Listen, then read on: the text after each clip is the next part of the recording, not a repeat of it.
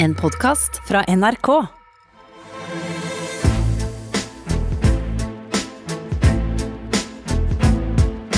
Trump mot verden med Gjermund Eriksen og Sean Henrik Matheson. Gjermund, eh, skal vi like godt begynne med Donald eh, i dag? Ja, det trenger vi. Under the It's giving them a false sense right of security. now. I think it's under control. I'll tell you what. How? A thousand Americans are dying a day. They are dying. That's true. And you ha- it is what it is. Åh, Gjermund, hva hørte vi her? It is what it is. It det er is Donald what it Trump. is. Ja. Det er Donald Trump slik vi har blitt kjent med han, eh, men hvor han eh, ikke akkurat har endra seg. Og han er i et intervju med Axios, et relativt nystarta medium, eh, og hvor journalisten er veldig flink, smisker med han i spørsmålsinngangen. Og så senker Donald skuldrene og sier det er bare det det er. Og null empati. Nei. Det er en imponerende uke har det vært, altså. Og det minner meg egentlig om Bill Clintons svar Ja. når han var pressa. Ja. Som vi kanskje, for de som virkelig husker 90-tallet eh, Han ble spurt ø, under ed, så måtte han svare. eh, har du hatt eh, sex med denne kvinnen? Eh, er det slik? Is it that you have? Og så kan vi høre svaret her. It depends upon what the meaning of the word is. Oh my god! Ja, Da er man eh, på hæla. Ja, da er man helt eh, klart på hæla, Gjermund. Jeg synes også at vi må ta med hvordan Trumps ja, virkelighetsoppfattelse er for tida. Ja, og der er det jo sånn at det har gått en utrolig farlig eksplosjon i Beirut med enorme tragiske konsekvenser. Mm. og hvor det er eh, mye som, veldig mye som tyder på at det er en ulykke. Og etterretningsorganisasjonene til Donald har sagt at det tyder på at det er en ulykke. Men hva er det Donald bare sier og tar på hælen i en pressekonferanse? Eh, hør her.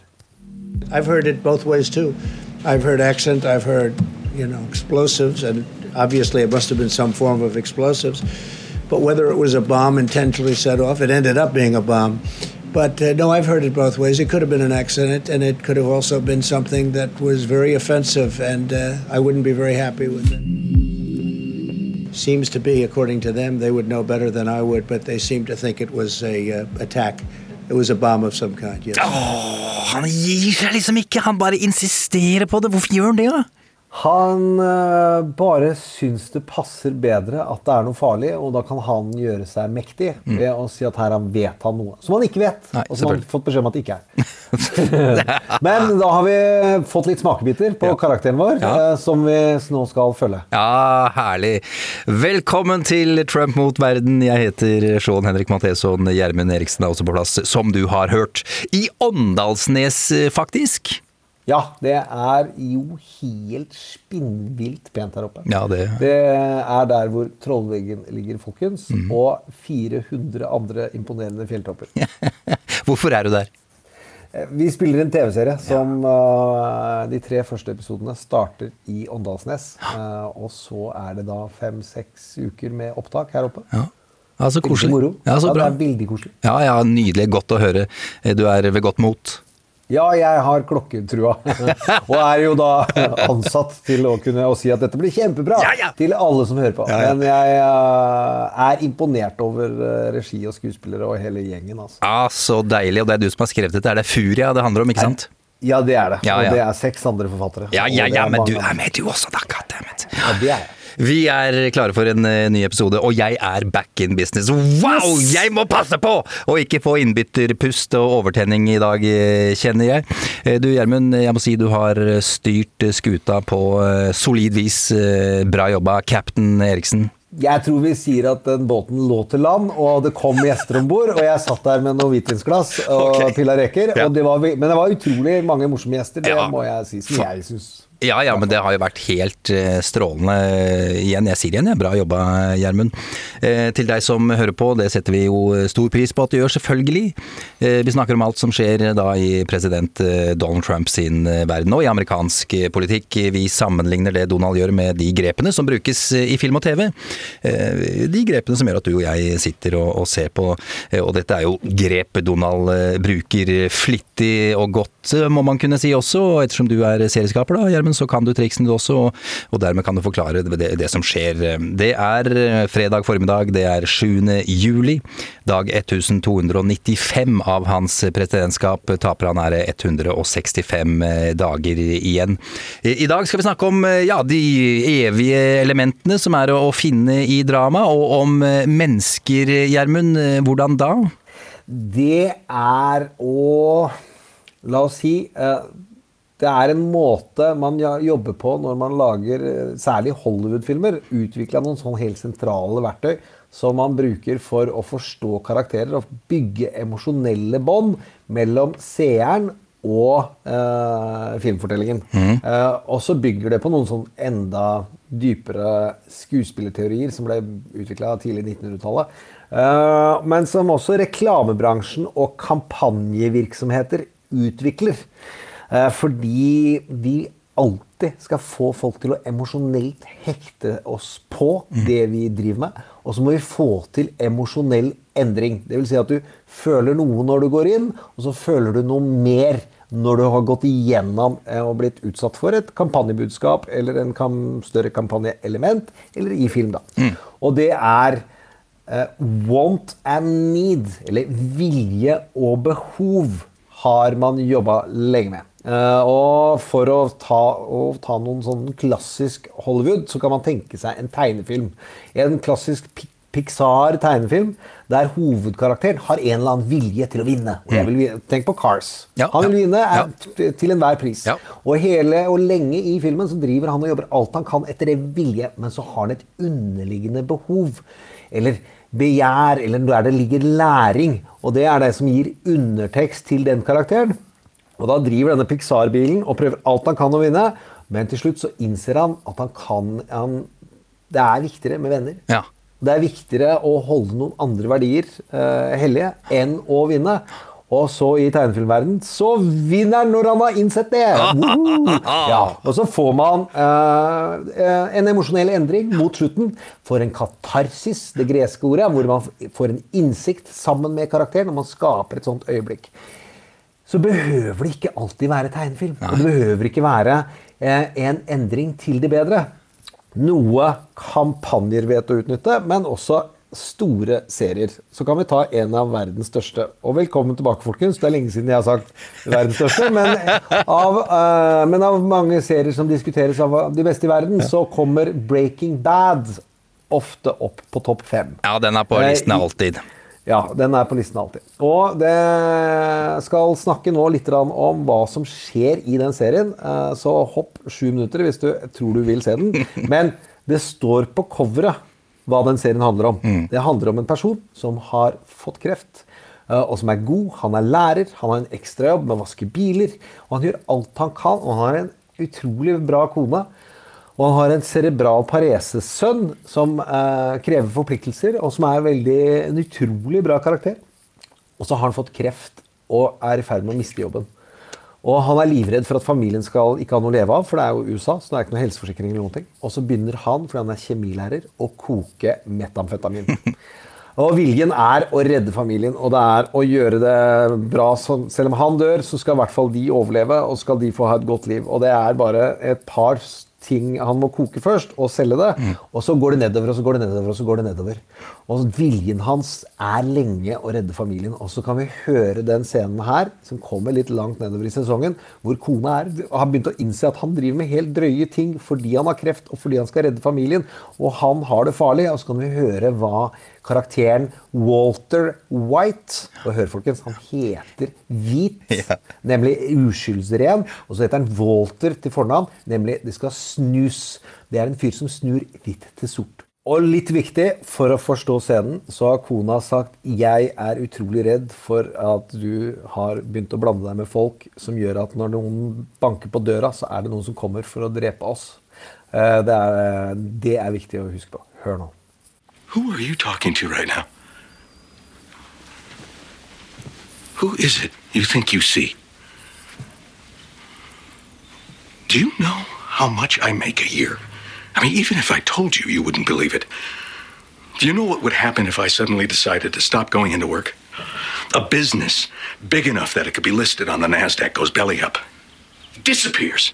It ceases to exist without me. No, you clearly don't know who you're talking to, so let me clue you in.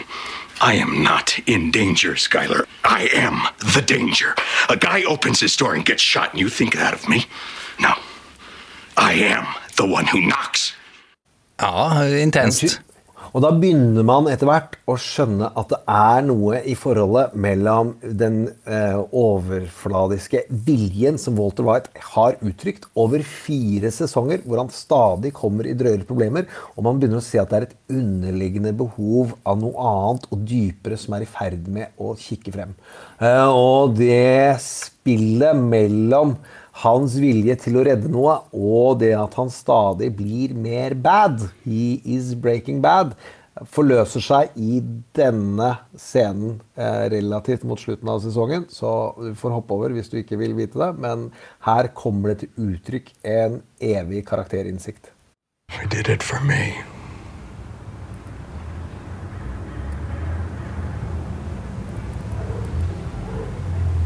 I liked it. Was good at it. And I was really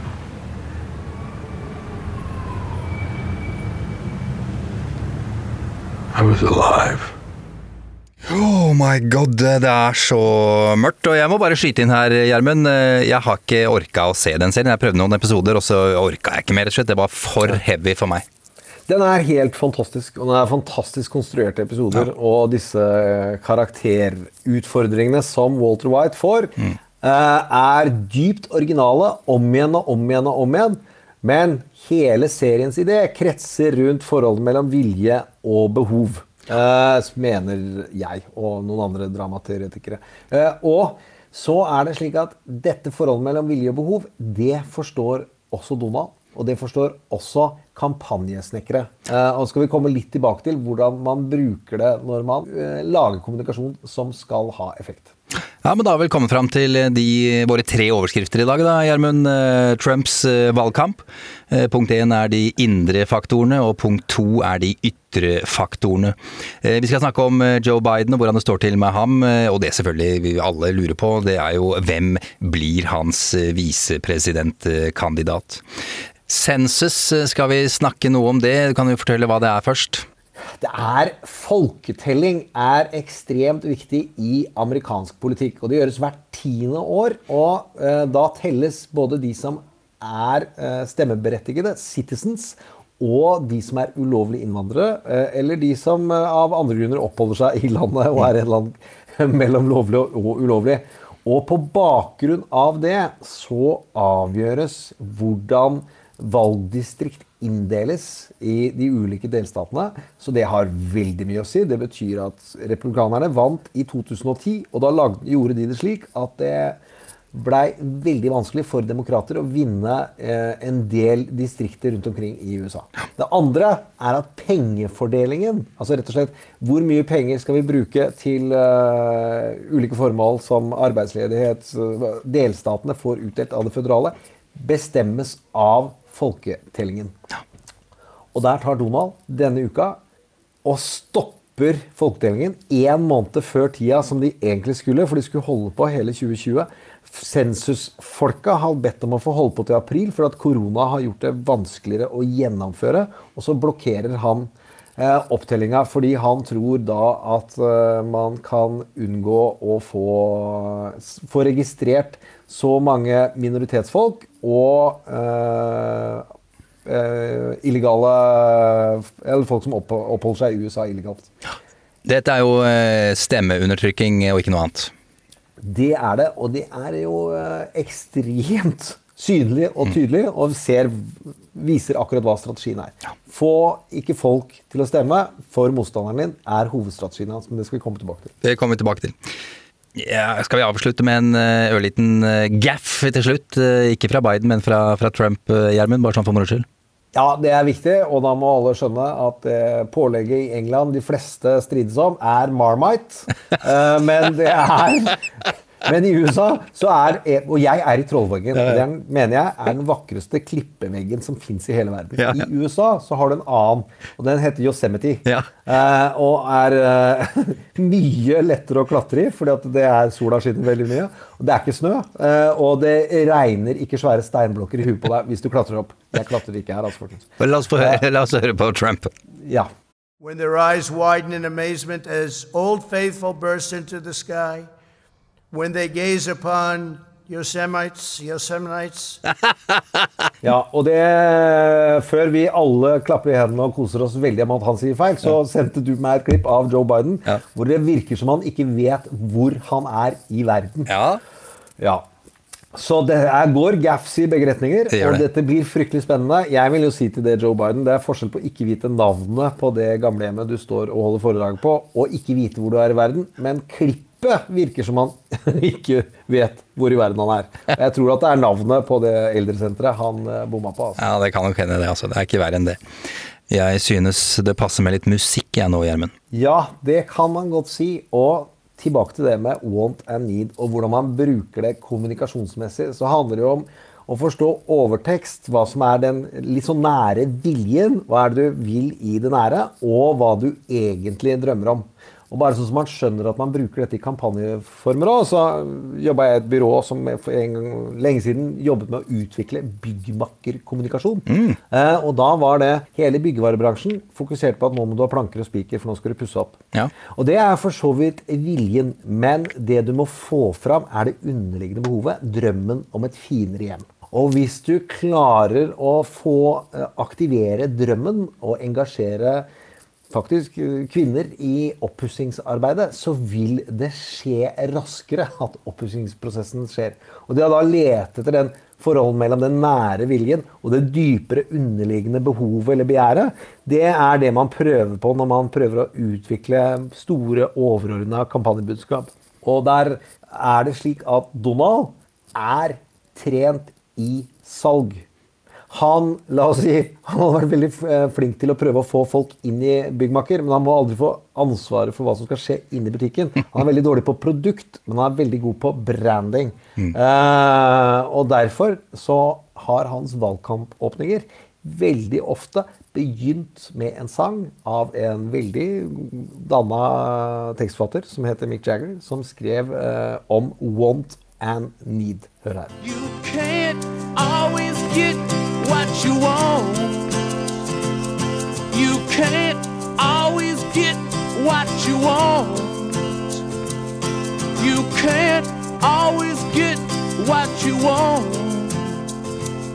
But if you try sometimes, well, you might find you get what you need.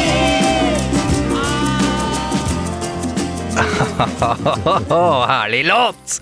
Ja. dette er altså en låt som, eh, som Donald eh, ofte bruker på sine valgkamparrangementer og, og folkemøter. Eh, Rolling Stones truer forresten med søksmål dersom han ikke slutter å bruke den.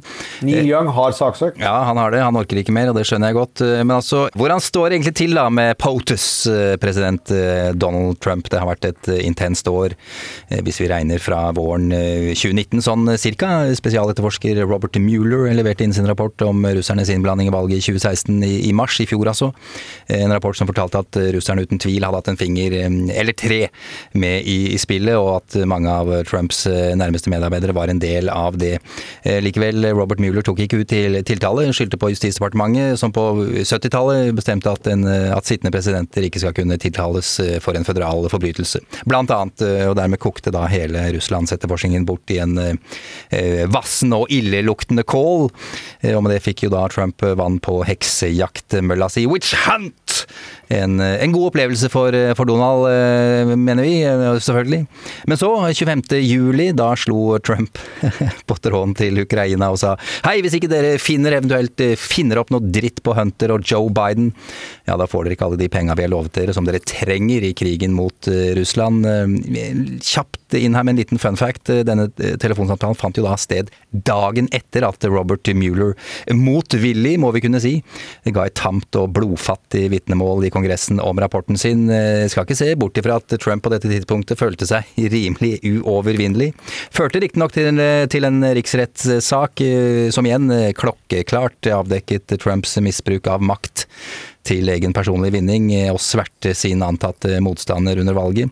Men republikanerne, som jo har flertall i senatet, kammeret i Kongressen som sitter med makten til å felle en president, de, samlet seg bak sin, eh, sin mann og, og ropte heksejakt, eh, de også. Han ble frikjent. Nok en strålende dag for presidenten. Enda mer vann på heksejaktmølla. Men så Så kom nyheten om at et virus i Kina hadde begynt å spre seg. Dette skjedde et par uker før Trump ble frikjent, faktisk, i begynnelsen av februar i år. Eh, Null stress, sa Trump. Slapp av, dette her kommer til å gå av seg selv. Eh, Ukene gikk, og som vi vet, det gikk ikke over av seg selv. Covid-19 ble vel etter hvert et balltre så hardt planta i huet til Trump at han knapt nok klarte å bli stående. Eh, Hadde han sagt og gjort mye rart før dette her, så, så skrudde han det til enda noen eh, hakk. Hva om vi stapper en lyspære opp i rumpa? Anyone? Shot et glass eller to med klorin, eller er det mulig? Og så videre, og så videre. 160 000 amerikanere er nå døde av covid-19. Antall smittede nærmer seg fem millioner, eh, og smittetallene peker bare én vei oppover. Eh, Hvis vi slenger, da, slenger på et par eh, avslørende bøker, eh, to i en, i en lang rekke riktignok, en av tidligere nasjonal sikkerhetsrådgiver John Bolton, og en av hans niese Mary Trump, eh, ja, så har det siste halve året det har vært tøft eh, for Trump. Hvordan har han det nå, tror du, Gjermund? Nei, det vi vet er jo at han eh, er veldig ustabil, og han er veldig nervøs. Uh, og det er et enormt press som ligger på den mannen. Uh, og de gjøres valg fortløpende som virker merkelig. Ja, ja, det gjør jo det. Men hvilke valg tenker du på da? Nei, for eksempel så snakket jo vi, når du hadde din fantastiske ferie, med, om Chris Wallace, om et intervju med Fox News, hvor han går og tror han har kjempekontroll, uh, og det går legendarisk dårlig. Og da er det veldig rart at to uker etter at det er hevet over enhver tvil at han bomma skikkelig på svarene sine, øh, så stiller han opp på et nytt intervju for Axios. Eh, vi skal høre et lite klipp fra dette Axios-intervjuet. Og visstnok, eh, folkens, eh, det skal jo finnes en bruksanvisning på dette covid-19-greiene. Hør på dette her. You know, there are those that say you can test too much. You do know that. Who says that? Oh, just read the manuals, read the books. Manuals? Read the What books. manuals? Read the books. What books? Hvilke bøker! Men jeg må jo si, Gjermund, at jeg syns journalisten eh, som jeg i farta har glemt navnet på, eh, gjorde en bedre jobb enn en veldig mange andre politiske journalister. Jeg syns han ga seg for tidlig, riktignok. Eh, De enkleste spørsmålene er jo ofte de beste. Hva, hvordan, hvorfor? Eller for eksempel, hvilke mennesker mener du når Trump sa at det er noen som mener at det testes for mye? Hvilke mennesker? Og les manualen, hvilken manual. Hvilken? Altså, eh, han slipper jo på et sitt sett vis unna her, denne gangen også, selv om eh, journalisten er, er mer pågående eh, med disse enkle spørsmålene enn en mange andre er. Ja, det er det samme med det Chris Wallace-intervjuet. Altså, ja. man, De kommer forberedt, og så er det ikke bare at de har disse enkle spørsmålene, men de har faktaene med seg og konfronterer han med svaret sitt live i intervjusituasjonen. Og så kan vi si at eh, denne mannen og Wallace var veldig flinke, eh, og de andre virka for passive. Så lurer jeg på om det er, man føler seg litt friere nå, for det er en valgkamp, og det er mulig det kommer en annen presidentkandidat, slik at du får dette intervjuet, og kanskje ikke flere, før han er gått av som president. Så intervjuerne har nok eh, også funnet ut at vi må pushe mer. Ja, men det er for seint. Det er for seint. Og til alle politiske journalister som hører på, ikke gi dere. Hva mener du med det? Hva betyr det? Kom igjen, liksom. Ikke gi dere. Helvete. Unnskyld uttrykket. Det er for, det er for lite av det. Ja, men vi må også høre der han, eh, som er enda mer alvorlig, hvordan han prøver da å framstille dødsraten i USA som noe som er det beste i verden. Ved å sammenligne dødsfall målt opp mot antall tester. Så kan vi høre her hvordan eh, journalisten bare er veldig, veldig åpen med at det syns han ikke stemmer. Hør nå. If you look at death, Yeah. per Started to go up again. one. Well, right here, the United States is lowest in numerous categories. Uh, we're lower than the world. Lower than we're the lower world? than What is that? Europe. In what? Look, In what? take a look. Right here. Here's case death. Oh, you're doing death as a proportion of cases. I'm talking about death as a proportion of population. That's where the US is really uh, bad. Well, well, Much worse than South Korea, Germany, etc. Look at South Korea, for example. 51 million population, 300 deaths. It's like it's you- crazy you don't compared to know that. I do. It's You on the. don't know it's- that. You think they're faking their statistics? South Korea, I, an I won't get advanced into country. because I have a very good relationship Yeah. with the country. Ja, det er, det, er, det er rart å høre på. Ja, det er det. Ja, ja. Eh, ok, Gjermund. Hvilke andre krefter, da, eller, eller skal vi si mennesker, er det som påvirker vår karakter, eh, som vi bør eh, følge fremover? Ja, fordi vi skal prøve å lansere høsten, så er det noen eh, motstandere av Donald som legger større press på han enn andre. Og for å dra i gang hvilke navn vi kommer til å regne med at kommer til å påvirke, så tar vi litt sånn nedenfra og opp. Så vi først trekker fram Fauci, denne pandemiansvarlige fyren som Donald prøver å skyve ut, og er ekstremt misunnelig på at er den som folk har mest tillit til når det gjelder korona. Og han prøver å disse den hele tiden. Og Fauci la oss si det sånn, legger ikke noen fingre imellom eh, lenger når det handler om å kritisere Donald. Den andre er jo Lincoln Project, som vi har snakka om siden januar. Og vi tenkte blir litt spennende, men som nå begynner å få en betydningsfull posisjon. Mye mer betydningsfull enn det de gutta trodde når de starta det. Eh, og at kommunikasjonsstrateger skulle bli så store helter og dyrkes på tvers av så mange medier, eh, er vel en stor reklamekampanje også for kommunikasjonsstrateger, faktisk. Jeg så et eller annet sted en overskrift som var litt morsom, at eh, de har eh, fått eh, gratis eh, inngang eh, til hodet til eh, Donald Trump. eh, at der sitter de og hakker løs, og han blir bare mer og mer sur. Det er det reklamefolk sier, at Ja. du må betale husleia Ja. i huet på folk. Ja. Det er det reklame er. Og det okay. virker som Lincoln Project. Det har de virkelig skjønt. Og de betaler lav husleie for en svær leilighet. Regner med at Nancy Pelosi vil, eh, vil ha noe å si her også. Ja, det er jo en dame som vet å irritere, og som Donald ennå ikke har klart å kjøre opp i et hjørne og gi et kallenavn og komme med diskreditering som sitter. Og han prøvde i 2018-valget alt han kunne å bruke Nancy Pelosi som hovedfienden tapte sånn sang. Og så har vi Justice Roberts, som vi har snakka om, og som vi kommer til å snakke mye mer om. Eh, og hvor Mike Pence var ute i går og sa at han var svært skuffet over den øverste lederen av høyesterett i USA. Men han kan bli avgjørende. Ja. Den som er over der, og enda mer gunslinging, er jo SDNY. Ja, Dette statsadvokatembetet i New York. De har jo nå fått tilgang på papirer. Det kom fram denne uka at de leter etter fraud og skatteunndragelse. Eh, og da er det nesten så Donald kan se håndjern som viftes med rundt 21.1. Og Altså at eh, det er veldig alvorlig, altså. Ja visst, eh, og Deutsche Bank de har overlevert absolutt alle papirer, og det er Deutsche Bank han har brukt siden tidlig 90-tall, eh, Donald Trump. Eh, Og hvordan er dette her da med alt dette vi har snakka om nå, med vilje og behov hos, hos Donald? Ja, det har vi jo lært veldig mye om de siste to månedene. At viljen til Donald har blitt beskrevet av en psykolog som accidentally er niesa hennes. Eh, niesa hans, mener jeg. Eh, og da kan vi jo høre hva hun sjøl sier om Donalds vilje, og så kan vi ta hva boka heter etter det.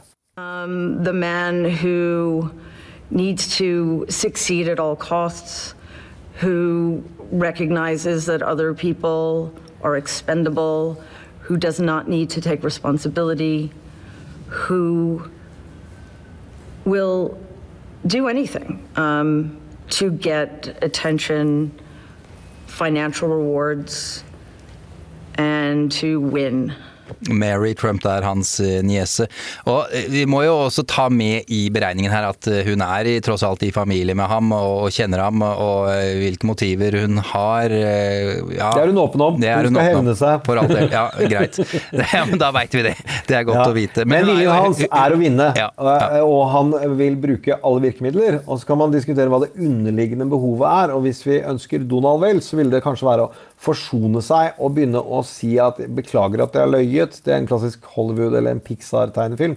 Så ville jo denne karakteren innse sine feil eh, og mangler. Og så ville han faktisk skåret veldig mye emosjonelt på det.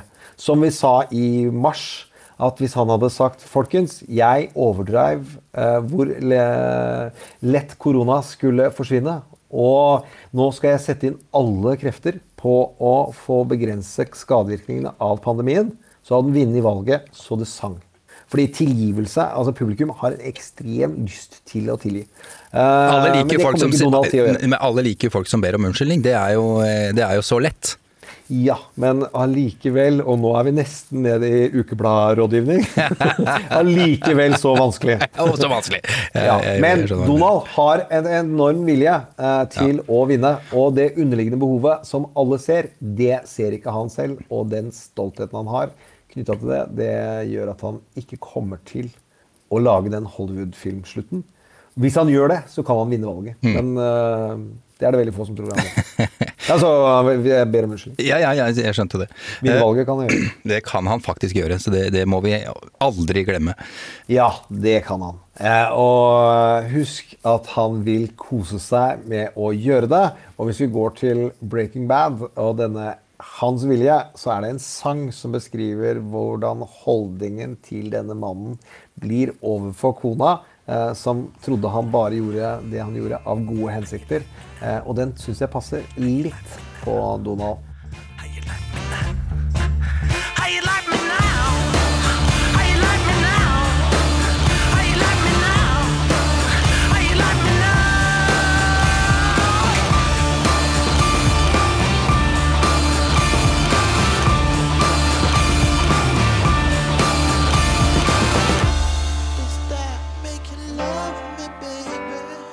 The Heavy der, How Do You Like Me Now fra TV-serien altså Breaking Bad. Den er helt fantastisk, Gjermund. Eh, 100 enig med deg.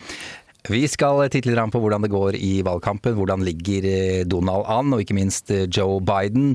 Eh, Først eh, Donalds approval rating. Hvor godt liker amerikanerne ham? Eh, Disse tallene er ikke superviktige, men eh, vi har tatt dem med.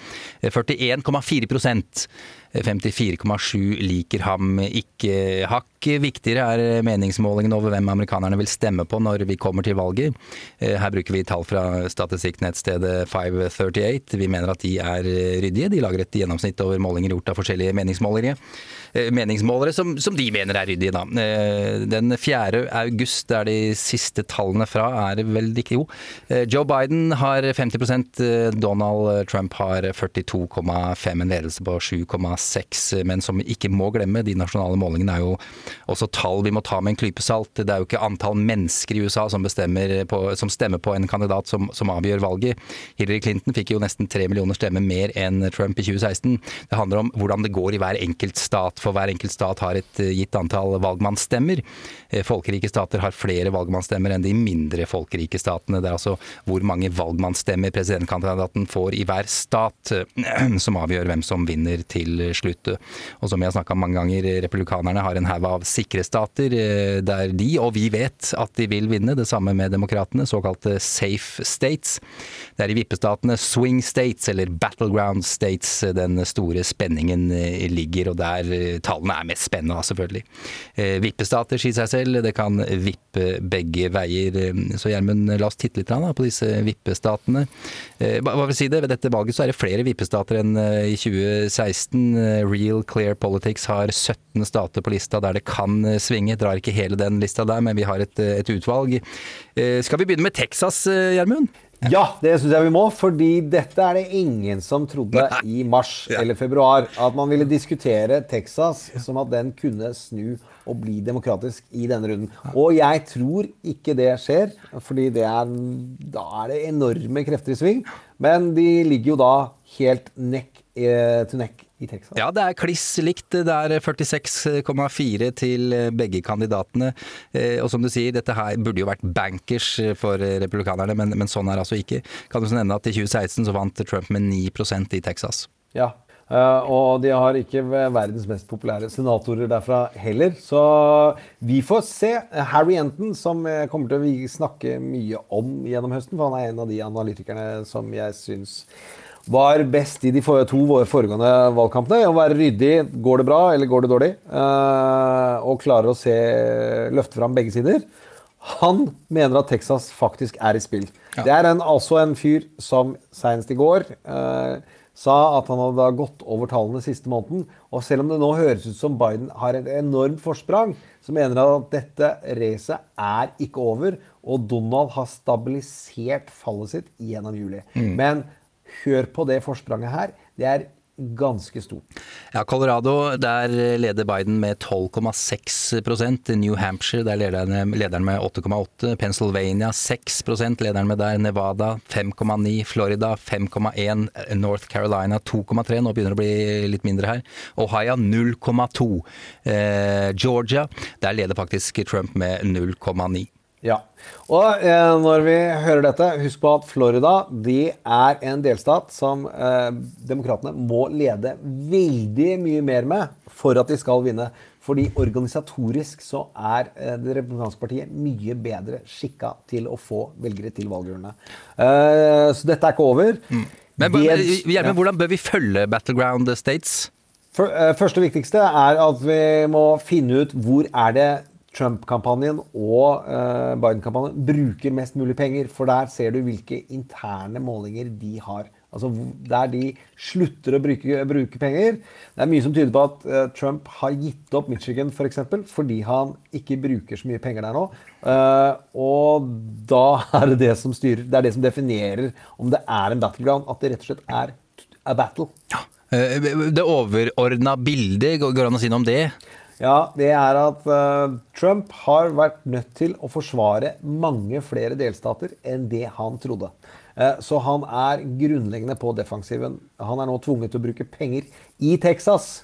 Noe som han ikke hadde satt av penger til, antageligvis, og som ikke har vært vanlig før. Det andre er altså Ohio, som mange trodde at det ikke ville være nødvendig eller mulig for Biden-kampanjen å investere tungt i, men gjøre det litt sånn litt symbolsk pengebruk. Begge de to er i spill. Og Florida, som aldri har gått Det er ikke helt sant, for Obama fikk Florida. Men la oss si at det er noen som syns det var litt surt i år 2000, og husker det veldig godt, at eh, de ikke, ikke leverer. Ja, Al Gore, det er han du snakker om nå, Gjermund, eh, som jo tapte valget, presidentvalget i i Florida, basically.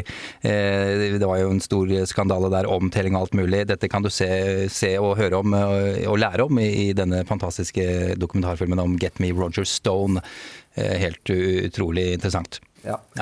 Vi må se på pengebruken, og så må vi se på hvilke, hvilke lengre trendlinjer som har skjedd i de ulike delstatene. Og det kan man følge på 538, så ser du linja i at i stort sett så er det jevnt i disse VIP-statene fram til mars.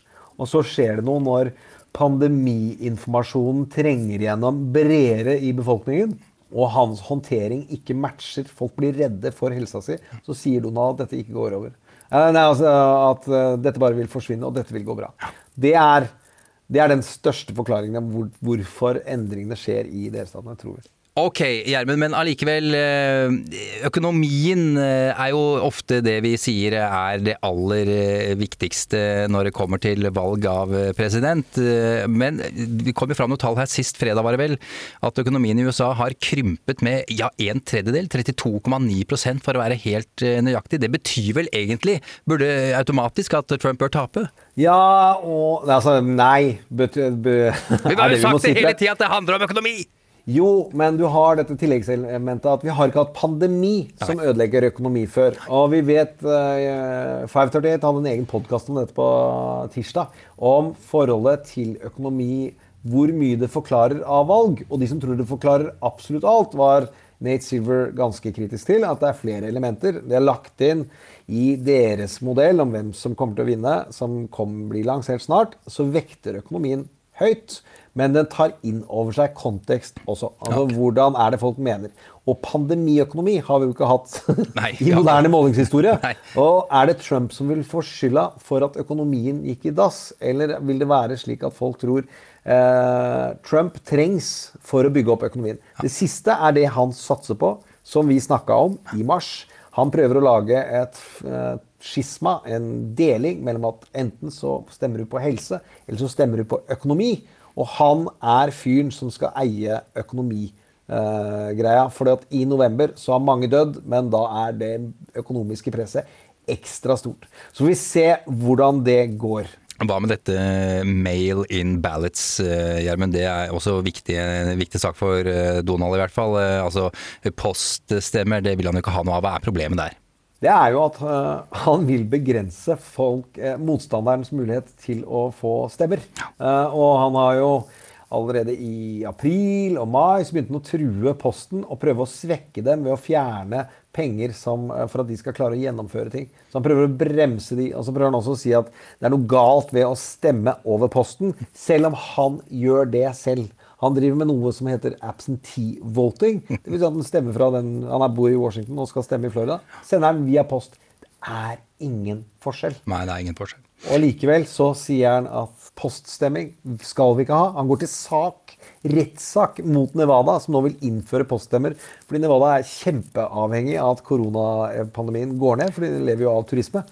Og interessant nok eh, så har han jo sagt at i Florida, der han skal stemme, der er det ikke noe problem. I Florida og Texas, der er det helt eh, greit med poststemme. Hva er forklaringen på det? Det I Floridas tilfelle så er han veldig avhengig av hvite 65 pluss for å stemme. Eh, og de er bekymra for helsa si og har ikke lyst til å stå fire-fem timer i en kø eh, og muligens bli smitta. Vi får se hvordan dette går. Det man må bite seg merke i allerede, det er ikke sikkert at valgresultatet blir klart på valgdagen, slik det er for vane. Og han er nødt til å komme på offensiven overfor Biden fort som tusen, for mye av postvalget kommer til å gå lenge før eh, novemberdagen. Der nevnte du Joe Biden. eh, På tide å snakke litt om ham, eh, kanskje? Litt. Rann.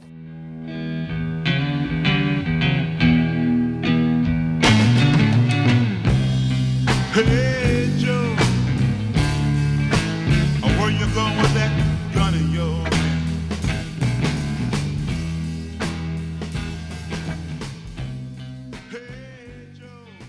Joseph Robinette Biden jr., eh, demokratenes eh, antatt presidentkandidat, eh, holder vel fortsatt en rimelig lav profil.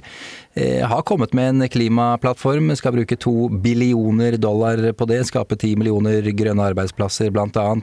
Bruke fornybar energi osv. osv. De klassiske tingene. Dette er jo bra. Eh, motsatt av hva Donald Trump holder på med. Han har jo på sin side sagt at klimaendringer er en kinesisk bløff, Chinese hoax.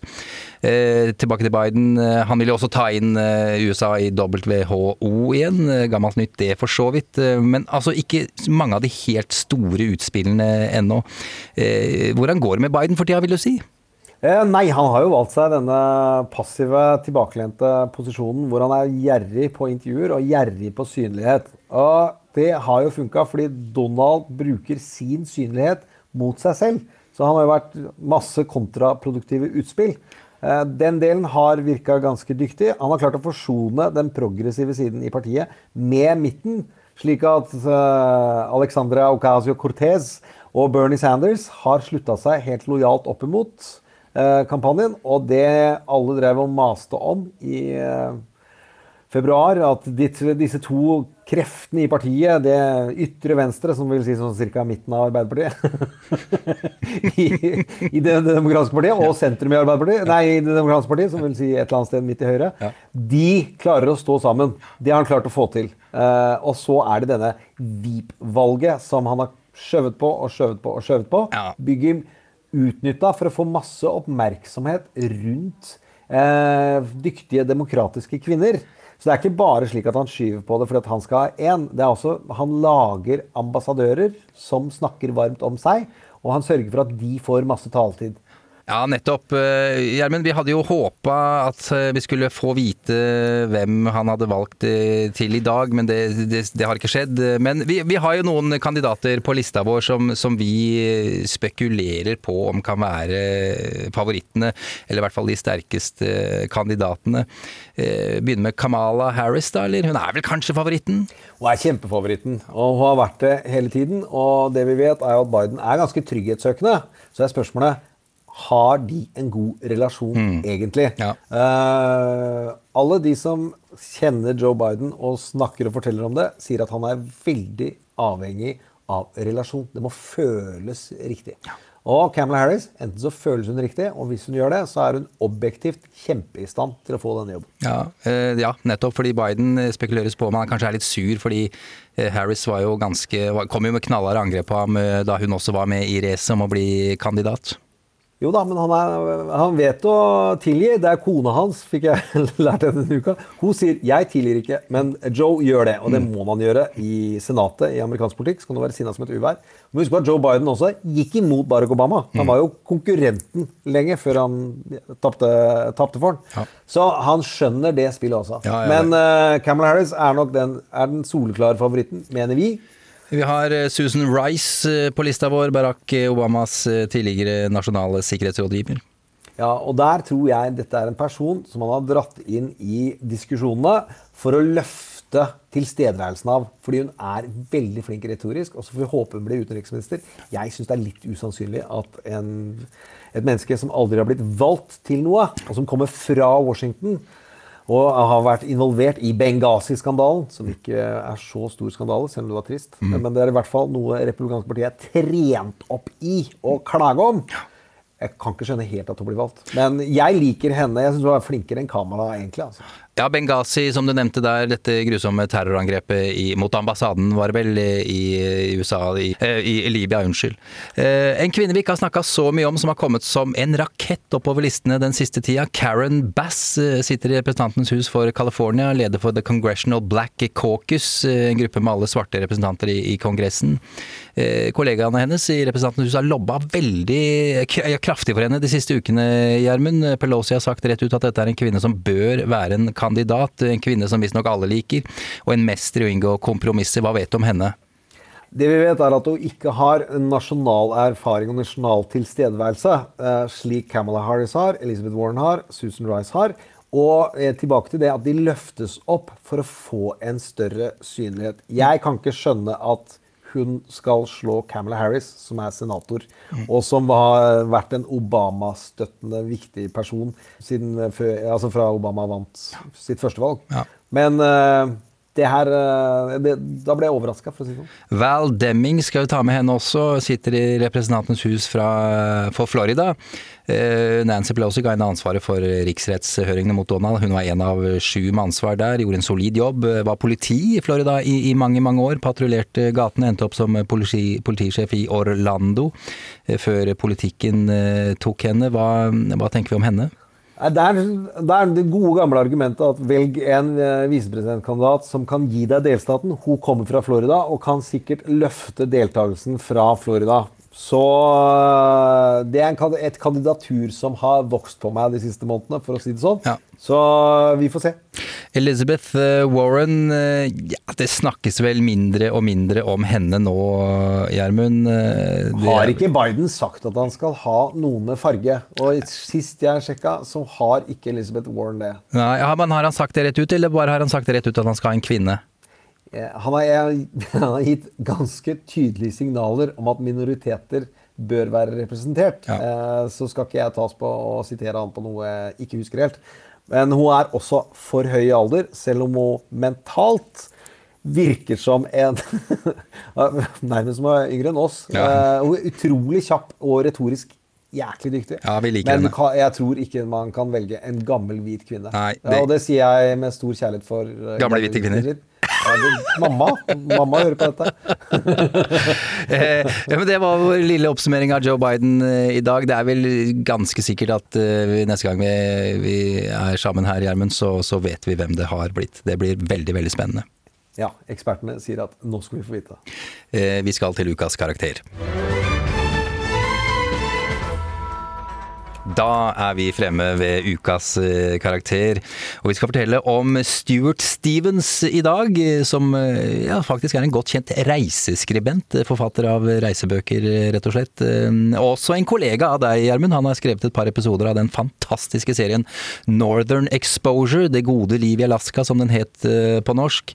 Men også politisk strateg for en rekke republikanere. Bob Dole blant annet jobbet for Bush den yngre, for John McCain, tidligere i hans valgpresidentkampanje i 2008, men skifta lag faktisk underveis og ble sjefsstrategen til Mitt Romney, som jo naturligvis tapte for McCain etter hvert. Hvorfor Stuart Stevens, Gjermund? Det er fordi jeg har savna han. Uh, han Ganske Men det- jo, men han har vært borte. Han er vel en fyr som har vært veldig mye brukt som kommentator i ulike kanaler. Uh, og han har vært lenge borte. Og så har det vist seg fordi at han skriver bok. Og han kom ut med bok denne uka. It Was All a Lie. Som handler om hans oppvekst og fartstid i det republikanske partiet. Og hvor mye han angret på at han ikke så det som hadde vært der hele tiden. Forholdet til eh, altså spille på rasistiske bilder og motiver som en del av å motivere den hvite befolkningen. Og hele tiden gjøre partiet mindre og mindre. Har han vært med under Bush, under uh, McCain og egentlig før det, også på 90-tallet. Så har han min bakgrunn. Altså han er mannsfatter. Han skrev, skrev TV-serier og var eh, Gikk egentlig på eh, Jobba i Hollywood med å lage disse seriene, og så ringte noen fra Republikansk parti. Og kan, du er jo fra landet, du kjenner jo du kjenner jo hva republikanere egentlig er. Kan ikke du lage noen reklamefilmer? Og så beskriver han da denne uka om hvordan han lagde de første reklamefilmene. Åpenbart ikke skjønte det sjøl, men at han sendte de rasesignalene. Eh, ekstremt fascinerende type. Altså. Og veldig god på både de myke sidene av det å vinne presidentvalgkamper, nemlig finne det rette budskapet. Finne de rette budskapsplattformene. Få de ut til riktig tid foran eh, ansiktene. Og de harde prioriteringene når det handler om tall og data, og forstå hvordan meninger utvikler seg over tid. Uh, imponerende person. Vi har et, eh, en liten eh, lydsnutt her, Gjermund, av eh, Stuart Stevens. Ja, og det handler om at uh, intervjueren, som er en konservativ uh, podkast som heter Bulwark, den er veldig god, uh, og er jo da eks-republikanere og republikanere som bare vil ha tilbake partiet sitt. Og han sier at vi vet jo at Donald ikke vil endre seg, og han vil ikke klare å skape et momentum i økonomien. Det er jeg ikke helt sikker på, men allikevel så spør han hvordan er det Hva mener du at Donald har som valg nå? Og da svarer Stuart følgende. Why did Trump win? For all this industry of how Donald Trump won, but Trump won for one very simple reason on one level. He won because he ran in a year in which 46.1% could win. Romney lost with 47.2%. percent So your state of Wisconsin's a perfect example. Romney loses by seven, Trump wins by just under one, but Romney got more votes. So that's Yes. 50,000 votes that didn't show up. So it is all about voter suppression. So Trump is going to do everything he can um, to disenfranchise through various methods non-white voters. Ja, det var jo ganske tydelig det her, Gjermund. Ja, og Han eh, beskriver et mørke mm. og et forhold mellom vilje og behov, som Stuart drar opp ganske mye i det intervjuet, og jeg antar også i boka si, fordi han er Hollywood-manusforfatter i bunnen. I bånn. Ja. Men da er vi jaggu eh, så å si ved veis eh, ende, Gjermund. Eh, Det er, som du nevnte tidligere i dag, det er stadig mye fart på Facebook-sida vår. Der gjør du og en haug av lyttere en, en strålende jobb. Minner om mailadressen vår også, trump at nrk.no. Eh, Ja, vi setter vel pris på en og annen like, gjør vi ikke det, Gjermund? Jo, jo, jo. Ja. Rating og anmeldelser og alt mulig sånt for at vi skal spres. Mm. For målet er å være størst mulig 3. november. Og håpe at valgresultatet er klart den dagen. Ja, det er det sikkert ikke, men det hadde jo vært eh, fint. Ja. Hvis ikke så har vi podkast ja. til 20. januar. Ja. Det regner jeg med uansett, fordi Donald vil jo måtte bæres ut. Ja, spørsmålet er om vi skal ha podkast i fire nye år. Four more years. Det er det òg, ja. Det er det Det er det. Vi må ikke glemme det. Eh, Vi har ikke med en åpning av eh, den sjukt dyre og fantastiske TV-serien Trump mot verden, som koster en milliard per episode, i dag. Eh, Men du skal fortelle litt fra en, en film, 'Evig solskinn i et plettfritt sinn', skrevet av Charlie Kaufman. Jim Carrey og Kate Winslet i hovedrollene. Hvorfor passer den godt i dag? Nei, jeg syns at eh, den filmen kan fungere som en metafor på de forventningene eh, og de, vår vilje og vårt behov når det gjelder Biden-kampanjen. Eh, vi vil gjerne ha en perfekt kampanje. Vi skulle ønske Vi trenger alt eh, av dyktighet fra han og alle som jobber rundt den, og vi syns det må være perfekt. Og så får vi se hva vi får. Og den filmen den handler om to mennesker. Og det er, ender i en låt som jeg da fridde til. Og jeg er da heller ikke perfekt. Eh, og derfor syns jeg den er emosjonelt viktig. Men kanskje den fungerer for dere også som en metafor på hva høsten skal være. To mennesker møter hverandre, og de faller for hverandre. Og så har deres viljer vært slik at de ønsker det perfekte forhold. Og de ønsker å se det perfekte i den andre. Eh, og den andre må være perfekt. Og av ulike årsaker så begynner de å se at det er feil og mangler eh, i hvordan de fungerer sammen. Og de drar og sliter i hverandre for at de skal bli perfekte, og får det ikke til. Og så går forholdet til grunne. Og av ulike årsaker så slettes minnet av dem hos hverandre. Så møtes de igjen. Og så faller de for hverandre igjen. Og så går de og snakker sammen og tenker at de skal bygge på noe nytt. Og så blir hun utrolig redd og sier at jeg orker ikke, jeg kan ikke, jeg vet ikke helt hvorfor, men jeg, du kommer til å oppdage at jeg ikke er perfekt. Og så er dette helt i stykker igjen. Og så sier han eh, jeg syns vi skal prøve allikevel. Og så ligger det i lufta at han kommer til å se forbi det imperfekte hos henne, og at hun kanskje kan leite etter det, muligheter for å klare å være sammen med han, selv om han heller ikke er perfekt. Og så begynner de bare å løpe inn på en snøkledt strand, så skjønner man at det egentlig endte lykkelig. Og så kommer den sangen her. Change your heart. Look around you.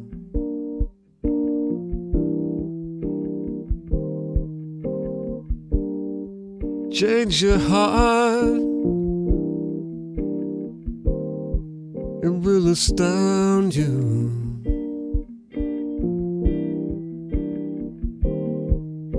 And I need your loving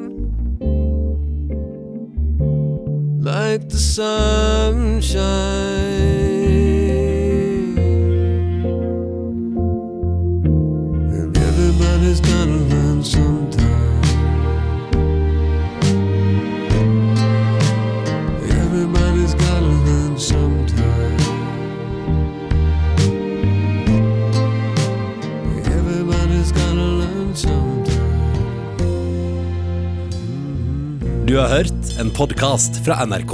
Hør flere podkaster og din favorittkanal i appen NRK Radio.